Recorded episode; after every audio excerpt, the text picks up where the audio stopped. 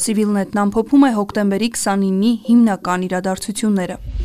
Գիշերվա ընթացքում Արցախա-ադրբեջանական հակամարտության գոտում կայուն լարված օպերատիվ իրադրությունն էական փոփոխությունների չի ենթարկվել, հաղորդում է Արցախի պաշտպանության բանակը։ Կեսգիշերից հետո եւ վաղ առավոտյան հակառակորդը վերսկսել է Արցախի խաղաղ բնակավայրերի թիրախավորումը։ Մասնավորապես Սմերչ համալիրներից հրթիռակոծության են ենթարկվել Ստեփանակերտը, Շուշին եւ հարակից խաղաղ բնակավայրերը։ Ստեփանակերտի եւ Շուշիի հրթիռակոծումը շարունակվել է նաեւ ցերեկը։ Պաշտպանության բանակի հակաօթային պաշտպանության ուժերը ոչնչացրել են թշնամու հերթական Բայրակթար տիպի հարվածային անօթաչուն։ Արցախի նախագահի խոսնակ Վահրամ Պողոսյանն էլ Facebook-ում գրել է. հատկապես թեժ մարտեր են Ասկերանի շրջանի Ավետարանոց, Սղնախ եւ Ակնախբյուր հատվածում։ Թշնամին ունի կենթանի ուժի մեծ կորուստներ։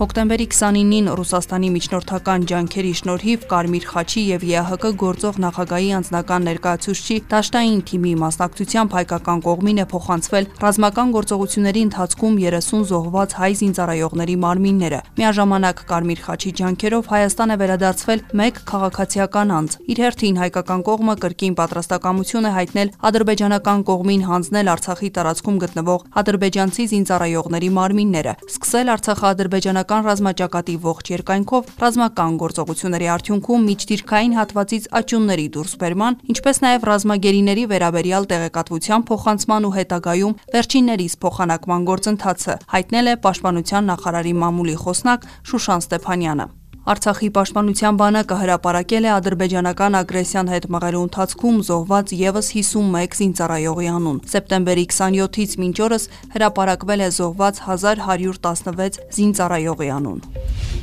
Հայաստանի արտգործնախարարությունը հայտարարություն է տարածել, որ խաղաղ բնակչության դեմ կատարվող ադրբեջանական ռեժիմի պատերազմական հանցանքներն ուղեկցվում են Թուրքիայի եւ միջազգային ահաբեկիչների ուղիղ ներգրավմամբ եւ հետապնդում են Լեռնային Ղարաբաղում հայ ժողովրդին ոչնչացնելու նպատակ։ Չնայած միջազգային համայնքի կոչերին եւ ԵԱՀԿ Մինսկի խմբի համանախագահ երկրների ջանքերին, Ադրբեջանը համառորեն մերժում է հրադադարի պայմանավորվածությունների իրականացումը եւ հակամարտության գոտում հրադադարի պահպանման վերիֆիկացիոն մեխանիզմների ներ ներդրումը։ Ձգտելով իրականացնել իր ցեղասպան մտադրությունը եւ խուսափել դրա պատասխանատվությունից Ադրբեջանը միաժամանակ ծավալել է կեղծիքների եւ հերյուրանքների վրա հիմնված քարոզարշավ, մոլորեցնելու միջազգային հանրությանը։ Ադրբեջանի մարդկության դեմ ոչիրների եւ էթնիկ զտումների քաղաքականությունը դատապարտված է ցախողման եւ շարունակելու է հանդիպել Արցախի ժողովրդի վճռական դիմադրությանը։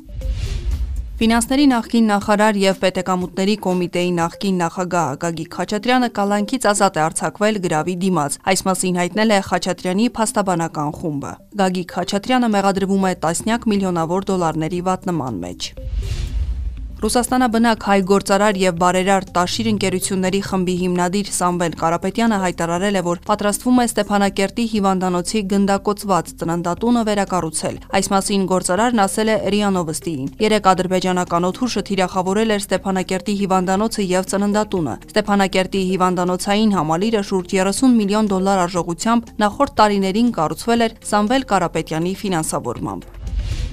Եվ վերջում կորոնավիրուսի մասին։ Հայաստանում հոկտեմբերի 28-ի դրությամբ հաստատվել է կորոնավիրուսի 2383 նոր դեպք, 749 մարդ առողջացել է, մահացել է 29 մարդ։ Բացասական թեստերի թիվը 2644 է։ Դրական է կատարված թեստերի 47.4%-ը։